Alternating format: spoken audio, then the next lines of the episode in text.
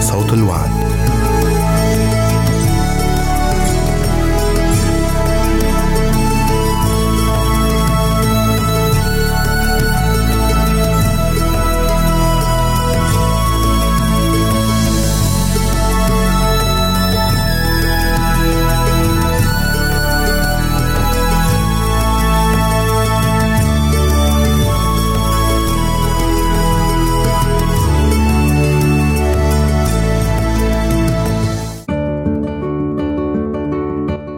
المستمعين والمستمعات. راديو صوت الوعد يتشرف باستقبال رسائلكم ومكالمتكم على الرقم التالي 00 961 سبعة ستة ثمانية ثمانية ثمانية أربعة واحد تسعة.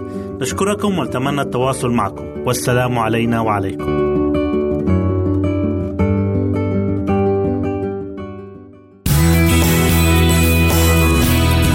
يمكنك استماع وتحميل برامجنا من موقعنا على الإنترنت www.awr.org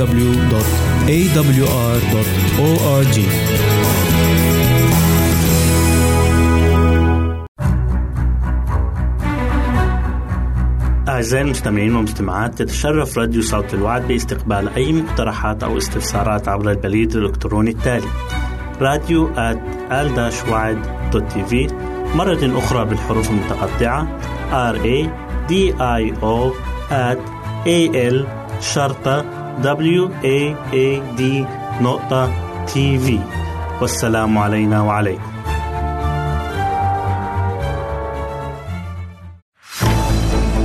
أعزائي المستمعين والمستمعات راديو صوت الوعد لا يكتفي بخدمتكم عبر الموجات الصوتية فقط بل وإنه يطرح لكم موقعا إلكترونيا يمكنكم من خلاله مشاهدة أجمل البرامج الدينية الثقافية الاجتماعية وغيرها من المواضيع الشيقة. يمكنكم زيارة الموقع من خلال العنوان التالي www.al-waad.tv مرة أخرى بالحروف المتقطعة www.al-waad.tv والسلام علينا وعليكم.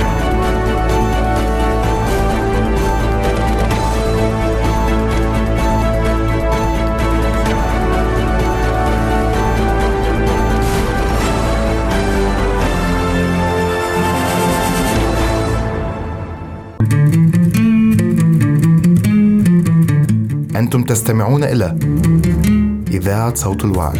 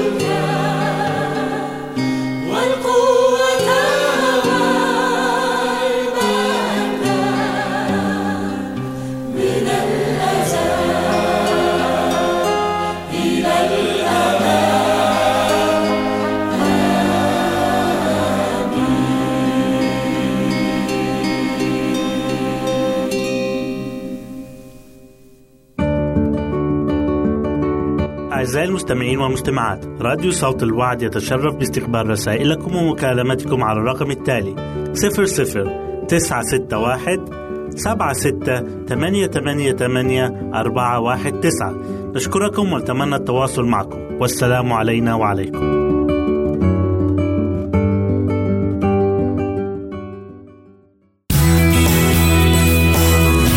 يمكنك استماع وتحميل برامجنا من موقعنا على الإنترنت. www.awr.org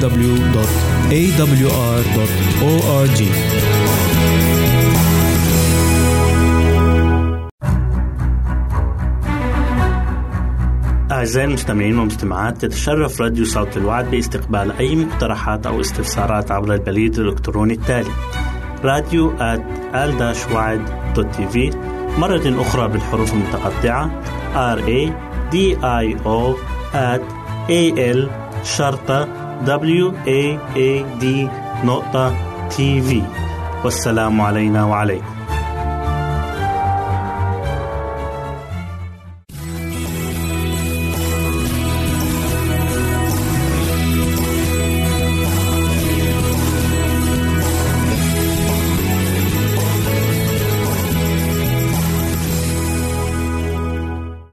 أهلا وسهلا بكم مستمعينا الكرام في كل مكان. يسعدني أن أقدم لكم برنامج من هنا وهناك والذي يتضمن الفقرات التالية العين والحفاظ عليها هل تعلم من أين تأتي الدموع؟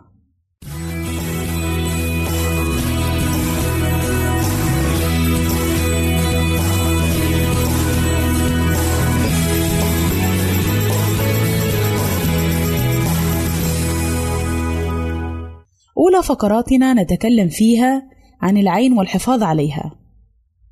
العين من أعضاء الجسم المهمة، حيث تقوم بعملية معقدة تضمن إدخال الضوء وانعكاسه، ومن ثم تحويله إلى إشارات تصل الدماغ عبر العصب البصري، وبذلك يحصل الدماغ على معلومات تكون المشهد المقابل له، وهذا ما يعرف بعملية الرؤية.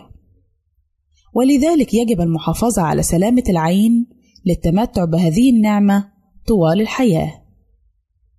يجب الاهتمام بنظافة العين وذلك عن طريق غسل الوجه بالماء البارد ومسح العينين بمنديل جاف ونظيف لتجنب تعرضها للجراثيم والميكروبات. أيضا تناول الطعام الصحي الذي يحتوي على الفيتامينات الهامة للعين كفيتامين ألف والموجود في الحليب ومنتجاته والبيض والخضروات الورقية مثل السبانخ والخس والملوخية وأيضا البيتا كاروتين وهو شكل من أشكال فيتامين ألف كما يوجد في الجزر ومضادات الأكسدة كالشيكولاتة الداكنة والتوت والموز والزنك لأنه يساعد في امتصاص مضادات الأكسدة. كما يحتوي البيض على مواد تسهم في التقليل من خطر حدوث ضعف في النظر مع تقدم السن. بالإضافة إلى ذلك يعد البيض مصدرا هاما للحصول على فيتامين إي. وفيتامين سي والزنك. الماء.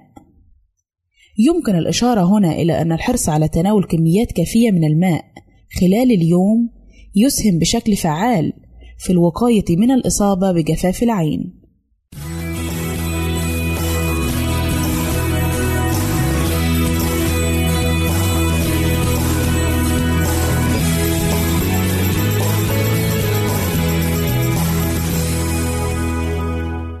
أهلا وسهلا بكم مجددا أعزائي المستمعين إليكم فقرتنا الثانية وهي بعنوان هل تعلم؟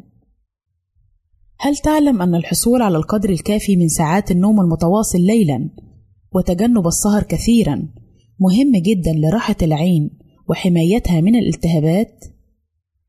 هل تعلم أن ضرورة المواظبة على ممارسة التمارين الرياضية نصف ساعة يوميا أو ثلاث مرات أسبوعيا بانتظام تعمل على تحسين عمل الدورة الدموية ووصول كميات وفيرة من الماء إلى العين؟ هل تعلم أن إطالة النظر إلى شاشات الحاسب الآلي والتلفزيون والهواتف المحمولة لساعات طويلة حيث أن الأشعة الصادرة منها تكون ضارة جدا للعين وتجهدها كثيرا وقد تتسبب في الإصابة بقصر النظر؟ هل تعلم أن غسل الوجه الدائم بالماء البارد يعمل على استعادة بريق ولمعان العيون وانكماش الأوعية الدموية؟ هل تعلم أن التدخين يجعل بياض العين مائل للون الأصفر ويجعل العين تفقد جمالها وتظهر مجهدة؟ هل تعلم أن الدموع تعمل على تهدئة النفس وتقليل الحزن؟ هل تعلم أن الطبقة الوسطى للعين تسمى بالطبقة المائية وهي تتكون في الغالب من الماء بالإضافة إلى الفيتامينات والمعادن بما فيها الأملاح ولهذا يكون طعم الدموع مالحا؟ هل تعلم أن الطبقة الداخلية أو الطبقة المخاطية هي التي تساعد في ترطيب العينين؟ هل تعلم أن المخ هو المسؤول عن معالجة المعلومات والصور الصادرة من العين؟ وأخيرا، هل تعلم أن الأعصاب العينية هي المسؤولة عن المعلومات البصرية من العين إلى الدماغ؟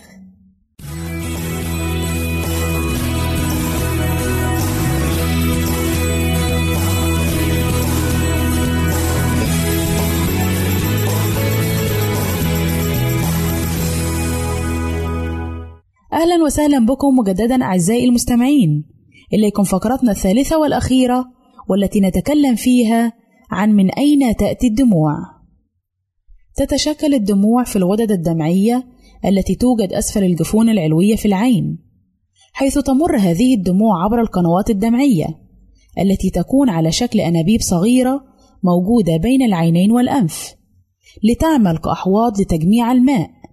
وعندما تمتلئ العيون بالدموع فإنها تتسرب عن طريقها. كما يمتلك الأشخاص قناتين دمعيتين حيث توجد كل قناة بالقرب من الزاوية الداخلية لكل عين عند تدفق الدموع بسرعة في حالة البكاء. فإن القنوات الدمعية لا تستطيع ترشيحها جميعا لذا يمكن تسرب بعضها خلال الأنف. والجدير بالذكر أنها تكون على شكل سائل مالح يتكون من البروتين والماء والزيت والمخاط. الدموع تعمل على تهدئة النفس وتقلل الحزن. كما تساعد الدموع على تحسين الرؤية حيث يتم إفراز الدموع القاعدية في كل مرة يرمش فيها الشخص فهي تساعد على الحفاظ على رطوبة العينين وحماية الأغشية المخاطية من الجفاف. كما يوضح المعهد الوطني للعيون أن إفرازها يوفر رؤية أكثر وضوحًا فعندما تجف الأغشية تصبح الرؤية ضبابية ويساهم كل من الأكسيتوسين والإندروفين في تحسين الحالة المزاجية ورفع المعنويات. كما تعمل الدموع على قتل البكتيريا وتساعد قتل البكتيريا على الحفاظ على نظافة العين حيث تحتوي الدموع على سائل يسمى الليزيوزيم الذي يحتوي على خصائص مضادة للميكروبات القوية كما يمكنها الحد من المخاطر البيولوجية مثل الجمرة الخبيثة. إلى هنا نأتي أعزائي إلى نهاية برنامجنا من هنا وهناك. نسعد بتلقي آرائكم ومقترحاتكم وتعليقاتكم. وإلى لقاء آخر على أمل أن نلتقي بكم. تقبلوا مني ومن أسرة البرنامج أرق وأطيب تحية. وسلام الله معكم.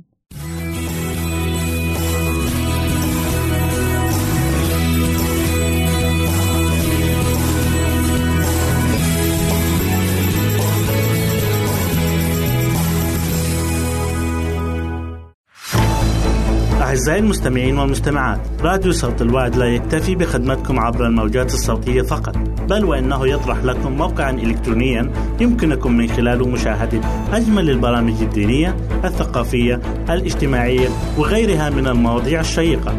يمكنكم زيارة الموقع من خلال العنوان التالي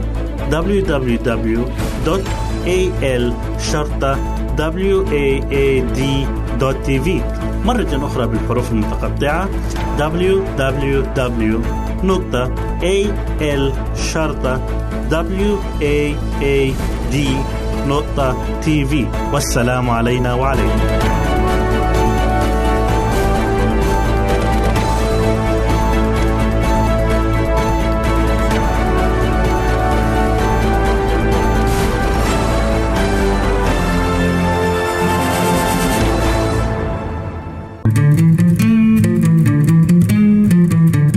أنتم تستمعون إلى إذاعة صوت الوعد.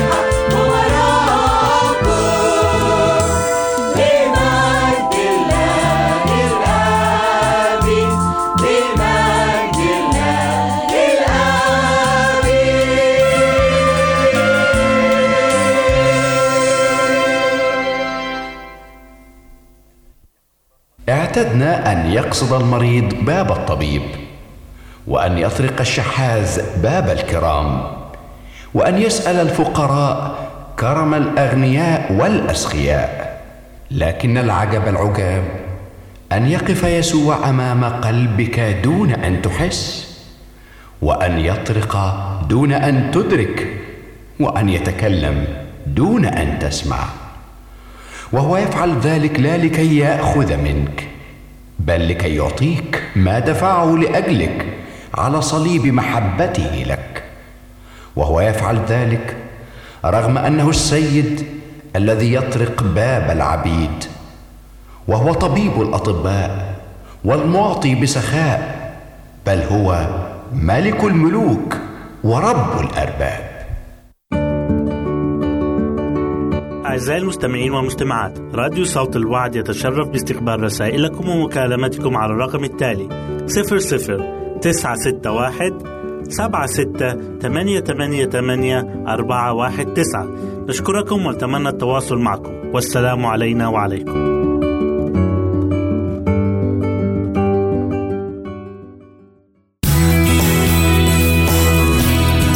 يمكنك استماع وتحميل برامجنا من موقعنا على الإنترنت www.awr.org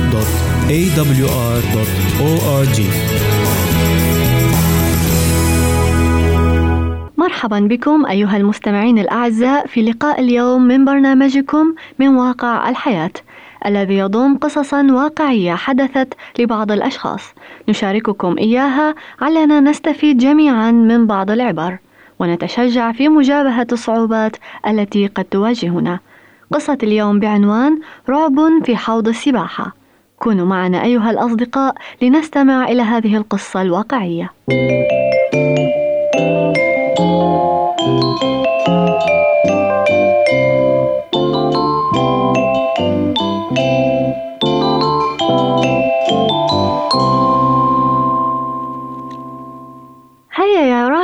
لا تخف.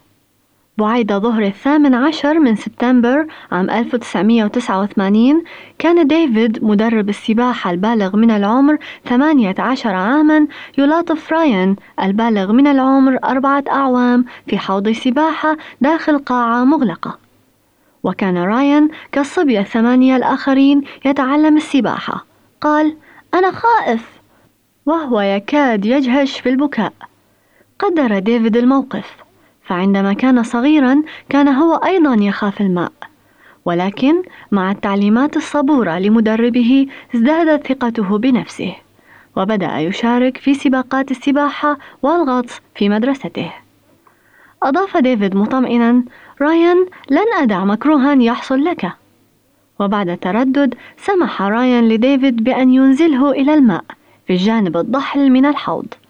حيث شرع يحرك رجليه وهو متمسك بالحافة. وفي الجهة الأخرى من حوض السباحة البالغ طوله حوالي 18 متر كان الأهل يراقبون أولادهم عبر نافذة بمزيج من المتعة والقلق. أراد ديفيد أن يقول لهم أن كل شيء على ما يرام فمع أنه بدأ العمل قبل حوالي أسبوعين وبدوام جزئي فإنه يشعر بثقة عارمة بنفسه مع الأولاد. والحقيقة أن ديفيد كان معروفا بحماسته لمساعدة الآخرين ولسنوات خلت كان متطوعا في روضة للأطفال في حي فقير. وقد كرمته مدرسته أثناء حفلة التخرج لكونه مثالا لروح التعاون والتفاني في سبيل الآخرين. وها هو في عمله يظهر الروح نفسها. فجأة سمعت أصوات عالية في أرجاء قاعة السباحة تشبه أصوات تكسر أشجار نظر ديفيد إلى السقف المدعم بعارضات معدنية ضخمة فشاهد غبارا أبيض ينهال إلى أسفل. ثم نظر إلى الأهل في غرفة المراقبة فرآهم يتحدثون غافلين عما يجري. فاعتقد أن العمال يصلحون السقف. ثم تصاعد ضجيج يصم الآذان فنادى ديفيد الأولاد اخرجوا من هنا! ثم بدأ يفكر فيما يمكن أن يكون هذا الصوت. انفجار أنبوب غاز أم هزة أرضية أم تحطم طائرة؟ وبدأ يصرخ تحركوا! وامتلأ الجو بالغبار وبكسر من العازل في السقف. وغمضت الأنوار وتساقطت قطع من السقف في الماء. ونظر ديفيد عبر الجو الخانق فارتعب حين رأى السقف فوق رؤوس الأولاد يلتوي بين العارضات وقال في نفسه يا إلهي السقف ينهار. وأخذ يدفع الأولاد نحو حافة حوض السباحة محاولا تعدادهم. واحد اثنان ثلاثة وبدأت المياه تهيج حولهم مع سقوط قطع من الإسمنت. نسي ديفيد التعداد. وبلمحات سريعة نظر إلى وجوه الأولاد المرتعبة وهو يصرخ اخرجوا من الماء واركضوا. وأظلمت القاعة تحت وابل من القطران والحصى. وكانت بقع من الرمل والزيت طافية على سطح الماء يعكرها سقوط قطع الإسمنت من السقف. وشق ديفيد طريقه في الماء الضحل محاولا إيصال الأولاد إلى مكان آمن. وكان ينظر إلى أعلى بين لحظة وأخرى فيرى السماء الزرقاء عبر الثقب المتسع. وكان الأولاد المرتبكون يتواثبون في الماء وهم يصرخون ويبكون. وفكر ديفيد في أن عليه هو أن يخرجهم. فهم يثقون به به وحده.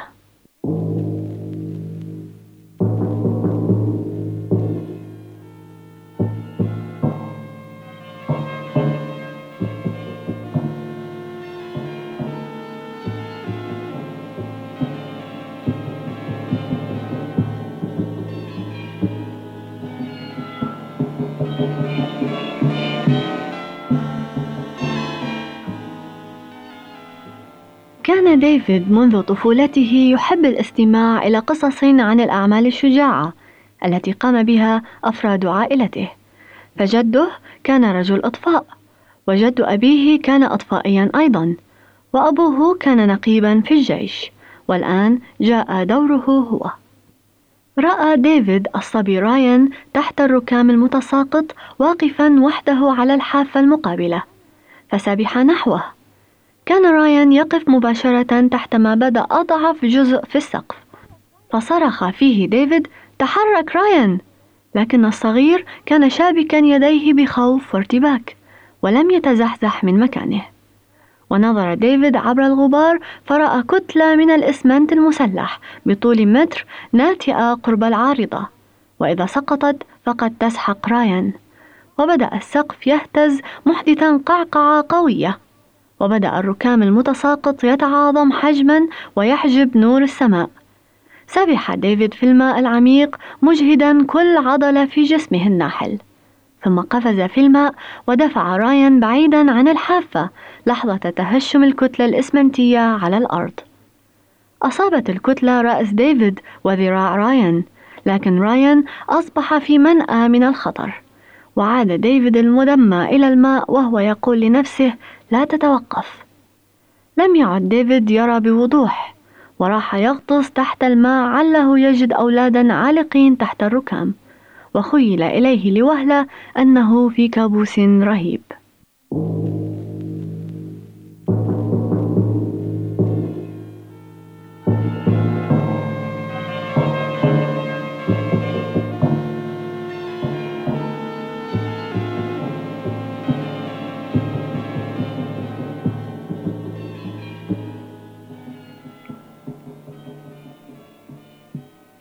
داخل قاعة المراقبة التي تبعد حوالي 25 مترا لم يكن الأهل يدرون ماذا يحدث.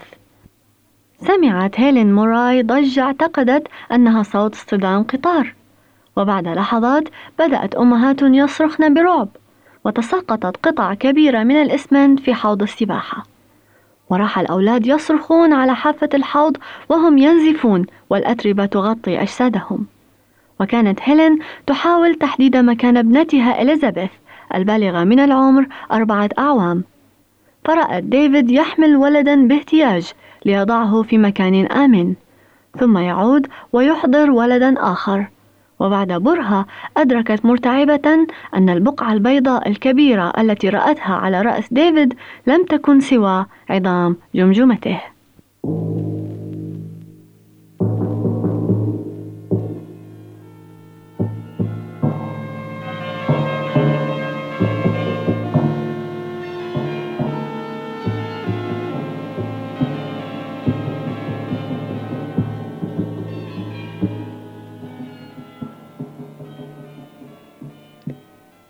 كانت إيلين جويس مديرة قسم السباحة في النادي وهي التي وظفت ديفيد وقد دهشت للشبه بينها وبينه. فالإثنان مرشدا أولاد ويهتمان بالرياضة وقد درسا تقنيات متقدمة في عمليات الإنقاذ وإلى ذلك فهما يحبان الأولاد. وكانت إيلين في مكتبها عندما سمعت الضجة التي تشبه الانفجار فوثبت من نافذة تطل على حوض السباحة وقفزت في الماء الضحل. ورأت ديفيد مصابا بجروح بالغة هو وثلاثة أولاد آخرين. فراحت تصيح بصوت أعلى من صرخات الأولاد آمرة ديفيد بالخروج من الماء. وأمسكت بأول ولد صادفته وحملته إلى حافة الحوض. وبعد لحظات سلمت طفلين إلى أعضاء في النادي هرعوا من غرفة الملابس المجاورة. حاولت عدة أمهات اقتحام الباب المطل على قاعة السباحة لكنه لم ينفتح. وراح آباء يبحثون عن باب آخر. وكان جون قبل دقائق رأى ابنه مايكل البالغ من العمر أربع سنوات على حافة حوض السباحة. فركض إلى المكتب الذي يطل على القاعة وقفز إلى الحوض حيث الغبار الخانق وعتمة المياه. كان أكثر ما يخشاه أن تقع عيناه على ولد مشوه أو ميت. وراح يفتش ويصلي وقد اغرورقت عيناه بالدموع.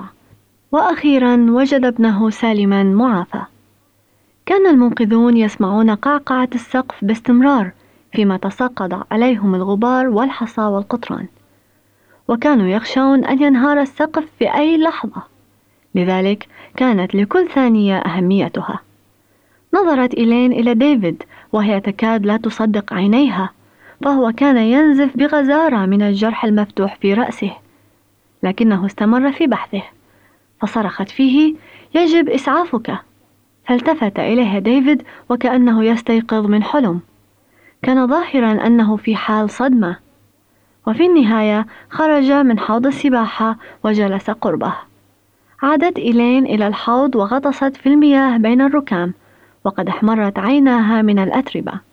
وكانت الفجوة في السقف فوقها تتسع أربعة أمتار عرضا وستة أمتار طولا. وأخيرا صرخت بديفيد لم يعد في الحوض أحد. بعيد انتقال الجميع إلى البهو سقط قسم آخر من السقف محدثا دويا مروعا. وبعد لحظات حضر رجال الإسعاف والإطفاء والشرطة وأخلوا المبنى. حتى رجال الأطفاء ذهلوا. فالأطفال والأهل والمنقذون نجوا جميعا بفارق لحظات. وكان ديفيد يلف رأسه بقطعة قماش مشبعة بالدم وهو يرفض أن يخضع للعلاج. وكانت تريسي ثلاثة أعوام مصابة بكسر في جمجمتها وكذلك أنتوني ثلاثة أعوام وأصيب رايان بكسر في الذراع. عندما قبل ديفيد أخيرا أن ينقل إلى سيارة إسعاف اعترضه رجل قصير ممتلئ الجسم أشيب الشعر إنه جد ديفيد الذي يسكن في الجوار. فقال له أنا فخور بك. ثم طلب ديفيد من جده أن يتصل بأمه ويطمئنها. عندما وصل ديفيد إلى المستشفى القريب كان في حال خطرة. فقد خسر لترا ونصف لتر من الدم. وأصيب بارتجاج في الدماغ وبجرح في رأسه بطول 30 سنتيمتر. واستخرج الجراحون حصن من عظم جمجمته وقطبوا الجرح الكبير بمئة وثمانين قطب. بقي ديفيد طريح الفراش يعاني أوجاعا في الرأس والظهر ثم بدأ يتعافى ببطء. كانت أخبار المآثر البطولية لديفيد وإيلين قد انتشرت وتصدرت الصفحات الأولى في الجرائد المحلية. وأقيمت لهما حفلات تكريم. ومنحتهما الجمعية الخيرية في تلك المنطقة ميداليتها الفضية والتي هي أعلى وسام تمنحه للأعمال البطولية.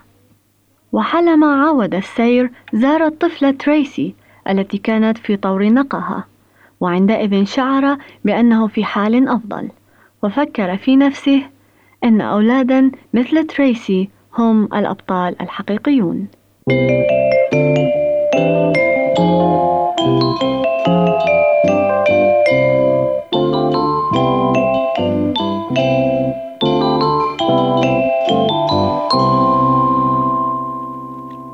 قبل حوالي ألفي سنة قام أحدهم بعملية إنقاذ كبيرة جدا حيث ألقى بنفسه إلى أرض الخطيئة ليخلص ما قد هلك ترك عرش الجمال والبهاء وجال في أرض الظلام والشر وكل هذا لأجل من؟ لم يحتمل قلبه الحنون أن يرى أحباءه ينتهون إلى الموت فترك كل شيء وجاء للمساعدة وهل تعلمون كيف عومل؟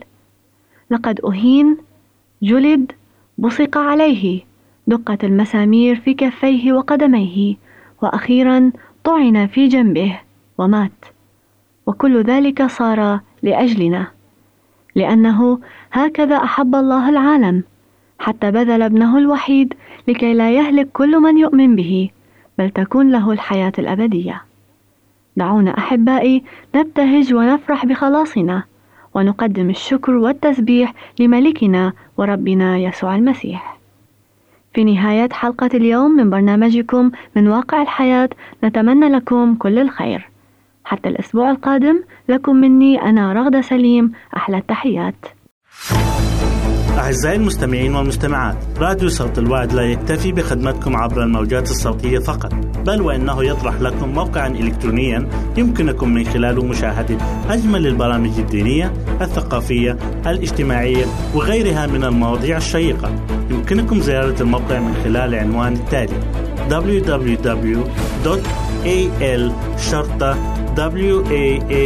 www.al.waad.tv مرة أخرى بالحروف المتقطعة www.al.waad.tv والسلام علينا وعليكم.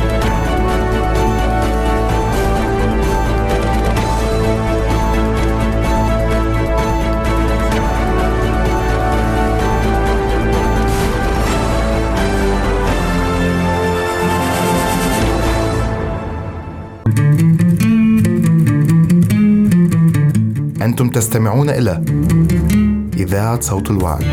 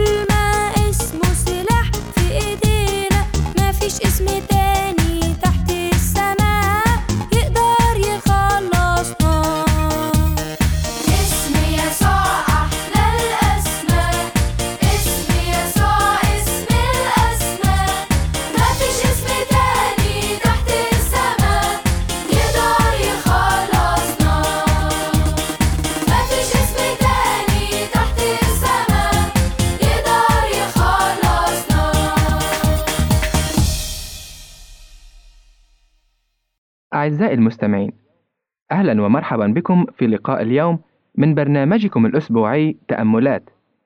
كنتم في الحلقة الماضية مع موضوع هل أنت مكتف؟ حيث تكلمنا عن الاكتفاء الذي نناله في حياتنا على هذه الأرض. أما في حلقة اليوم فستستمعون إلى موضوع الموت بداية جديدة للمؤمن. فابقوا معنا واستمعوا إلى هذا الموضوع المهم. لأن لي الحياة هي المسيح والموت هو ربح فيليبي الإصحاح الأول والآية 21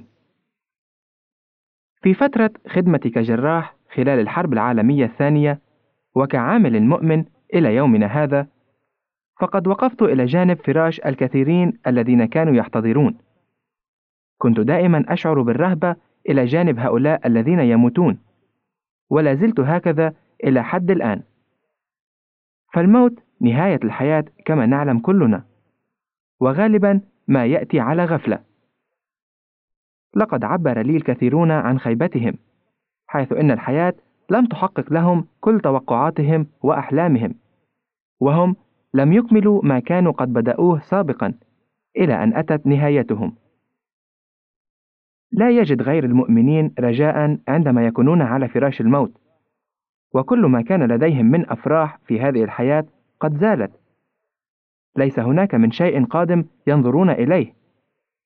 لكن المؤمنين ينظرون إلى الموت من زاوية أخرى براقة لأنه مع كونه نهاية لبعض الأشياء التي تمتعنا بها إلا أنه بداية لحياة جديدة أفضل بكثير من الحياة التي نعيشها.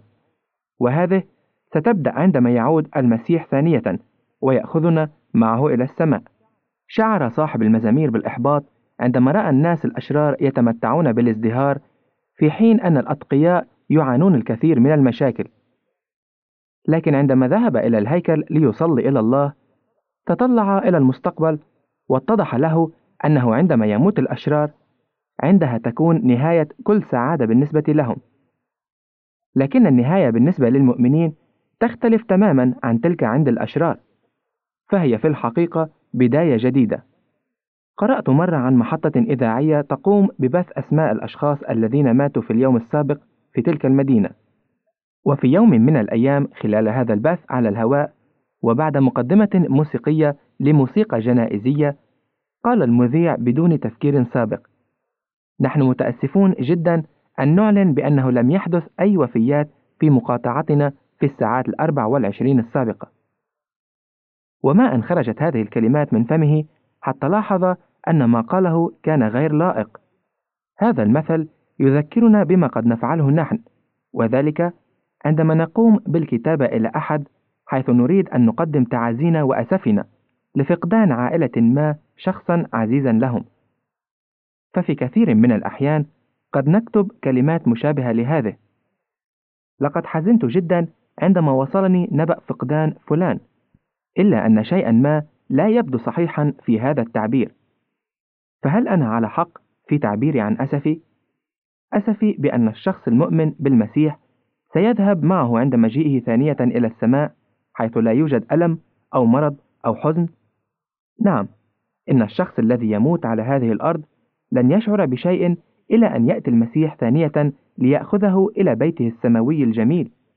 من الطبيعي أن نشعر بالأسى مع هؤلاء المحزونين، لأن زوال الروابط البشرية أمر مؤلم للغاية.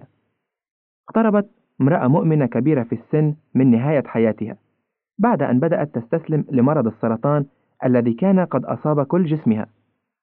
وكانت كنتها وهي مؤمنة أيضا تمضي معظم وقتها إلى جانب سرير هذه المرأة العجوز. وكانتا تتكلمان عن أشياء كثيرة كأيام الماضي والأحفاد وغيرها من المواضيع وكلما كانت نهاية المرأة العجوز تبدو أقرب كانت المرأتان تتكلمان أكثر عن المسيح يسوع.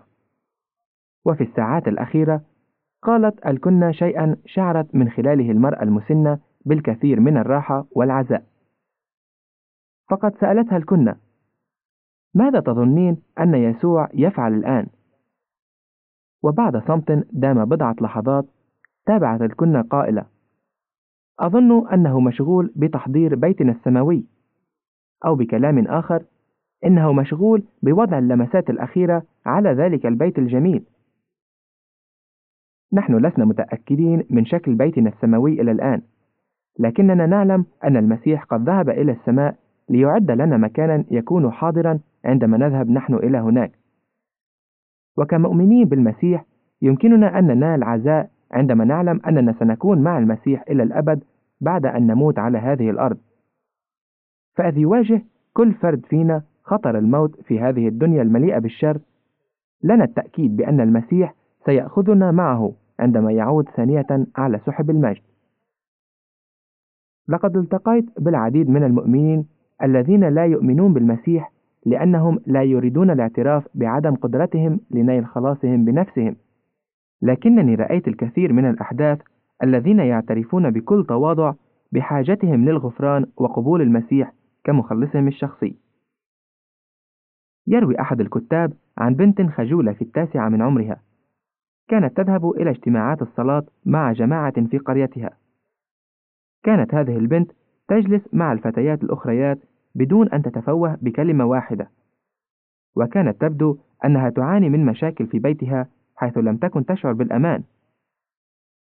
وفي ذات صباح وبعد أن أنهت المعلمة الدرس الذي كان يتعلق بموضوع السماء، رفعت هذه البنت يدها وسألت: هل يمكن للفتيات مثلي أن يذهبن إلى السماء؟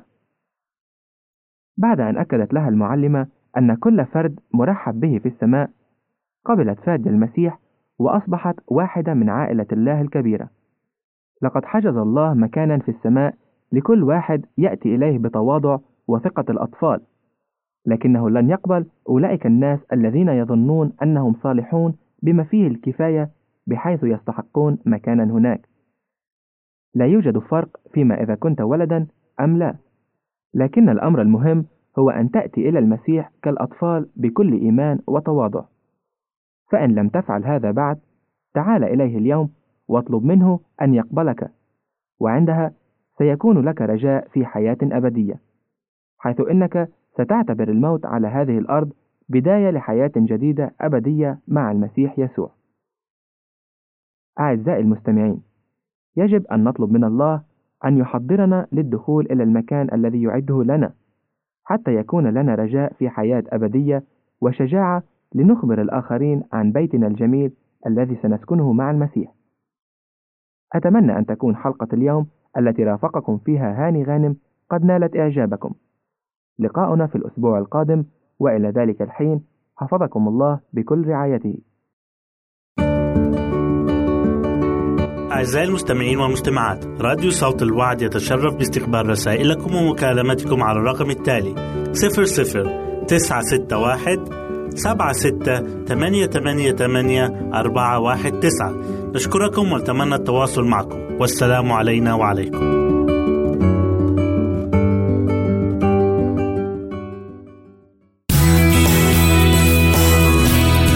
يمكنك استماع وتحميل برامجنا من موقعنا على الإنترنت www.awr.org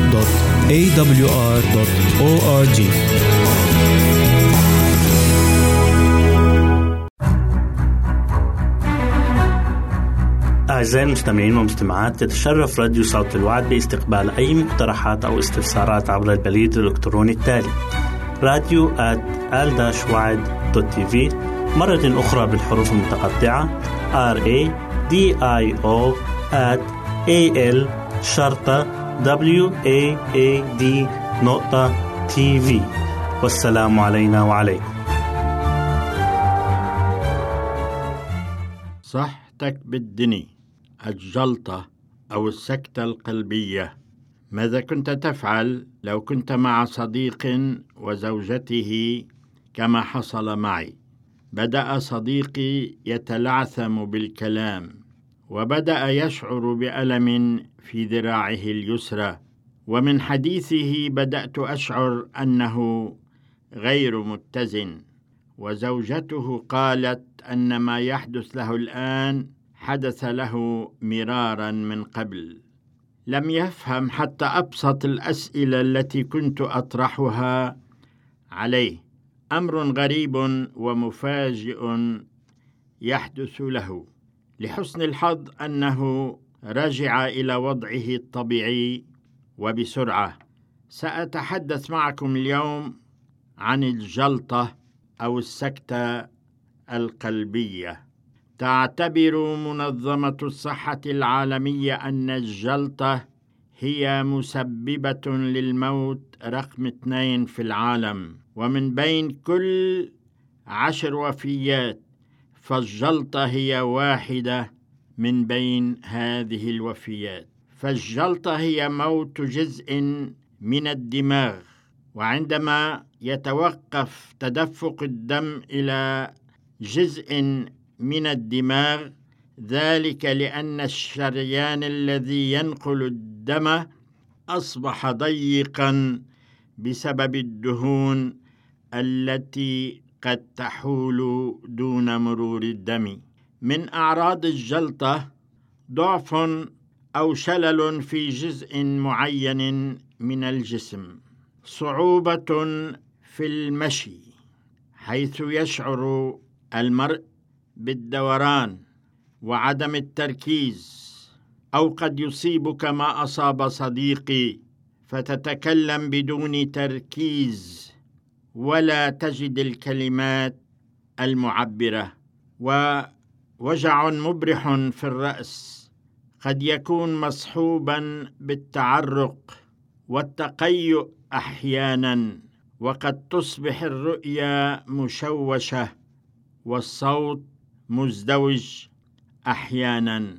مع أن الجلطة تحدث فجأة ولكنها قد تستغرق ساعات قبل تكوينها فقد تشعر بارتخاء بسيط في إحدى ذراعيك أو قدميك أو في جزء من أجزاء جسمك.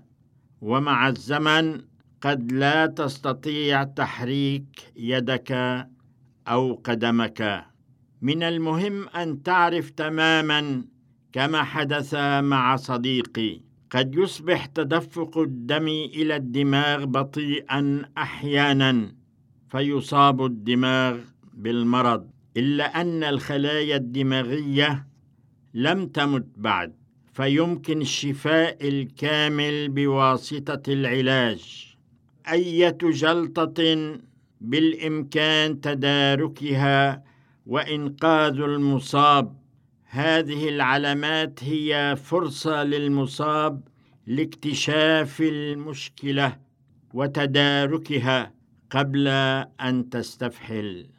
بعد حدوث الجلطة فالمعالجة تتوقف على كيفية حصولها. فهل أن الدم المتخثر أو قطعة الدم المتشحمة قد عرقلت تدفق الدم إلى الدماغ أم أن هناك نزيفا بالدماغ؟ إذا كانت المشكلة في تدفق الدم فالأسبرين قد يحل المشكلة وهو من العلاجات النافعة والمفيدة لهذه الحالة فهو يجعل الدم أسهل سيلانا وإذا كان المستشفى قريبا فعندهم علاج من أجل سيلان الدم ووصول الدم إلى الدماغ. المهم في كل الأحوال أن لا تتأخر في مساعدة المريض. إذا كانت المشكلة هي نزيف دماغي فالمعالجة تتم بطريق مختلف كليا. فلن تعطي من يعاني من سيلان وتدفق الدم علاجا يزيد من سيلان دمه وتدفقه. فقد يحتاج المصاب إلى عملية جراحية أحيانا من أجل إصلاح الشريان المصاب وقد يعطى المصاب علاجا من أجل خفض ضغط الدم عنده. عندما خلق الله الإنسان خلقه بأعضاء حساسة وتحتاج إلى عناية لكي تخدمه هذه الأعضاء وتقوم بخدمته كما يجب. فما تستطيع عمله لتجنب الجلطة هذا يتعلق بتغيير نمط حياتك وأسلوبك الغذائي. حافظ على ضغط دمك معتدلا بمزاولة التمارين الرياضية. وحافظ على وزنك كي يكون معقولا. وخفف كمية الملح الذي تتناوله في طعامك. قلل أو ابتعد كليا من تناول الكحول. أثبتت التجارب أن مدمني الكحول هم معرضون أكثر من غيرهم للجلطة. وإذا كنت مدخنا اوقف التدخين فورا فالسيجارة تزيد معدل ضربات قلبك. أضف إلى ذلك أن الشرايين هي أضيق عند المدخن وأكثر من تناول الفواكه والخضار. وقلل من تناول اللحوم والدهون. قد يبدو تغيير نمط الحياة وكأنه قصاص للبعض خصوصا عندما تطلب من شخص أن يتوقف عن تناول بعض الأطعمة أو القيام ببعض الأعمال التي لا يحبها. الكثير ممن غيروا أسلوب حياتهم من أجل صحتهم وجدوا الفرق في صحتهم. فإذا كنت تخاف من الجلطة فبدل أسلوب حياتك وحافظ على ضغط دمك طبيعيا فقلل من تناول الملح وأوقف المشروبات الروحية أو الكحولية وتوقف عن التدخين إذا كنت مدخنا وقلل من تناول اللحوم وإذا استطعت أوقفها نهائيا.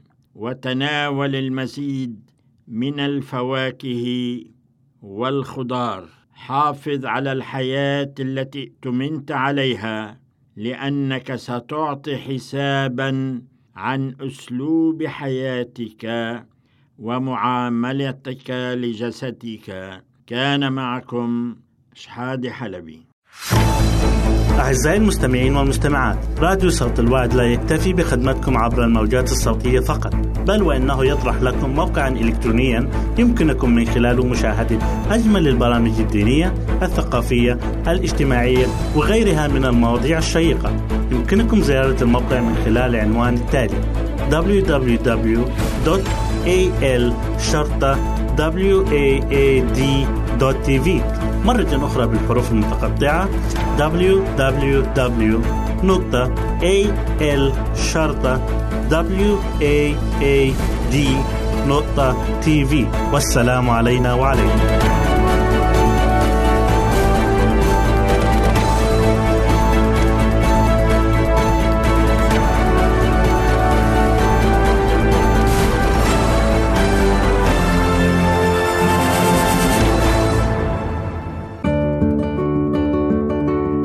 أعزائي المستمعين والمستمعات. راديو صوت الوعد يتشرف باستقبال رسائلكم ومكالمتكم على الرقم التالي 00 961 سبعة ستة ثمانية ثمانية ثمانية أربعة واحد تسعة.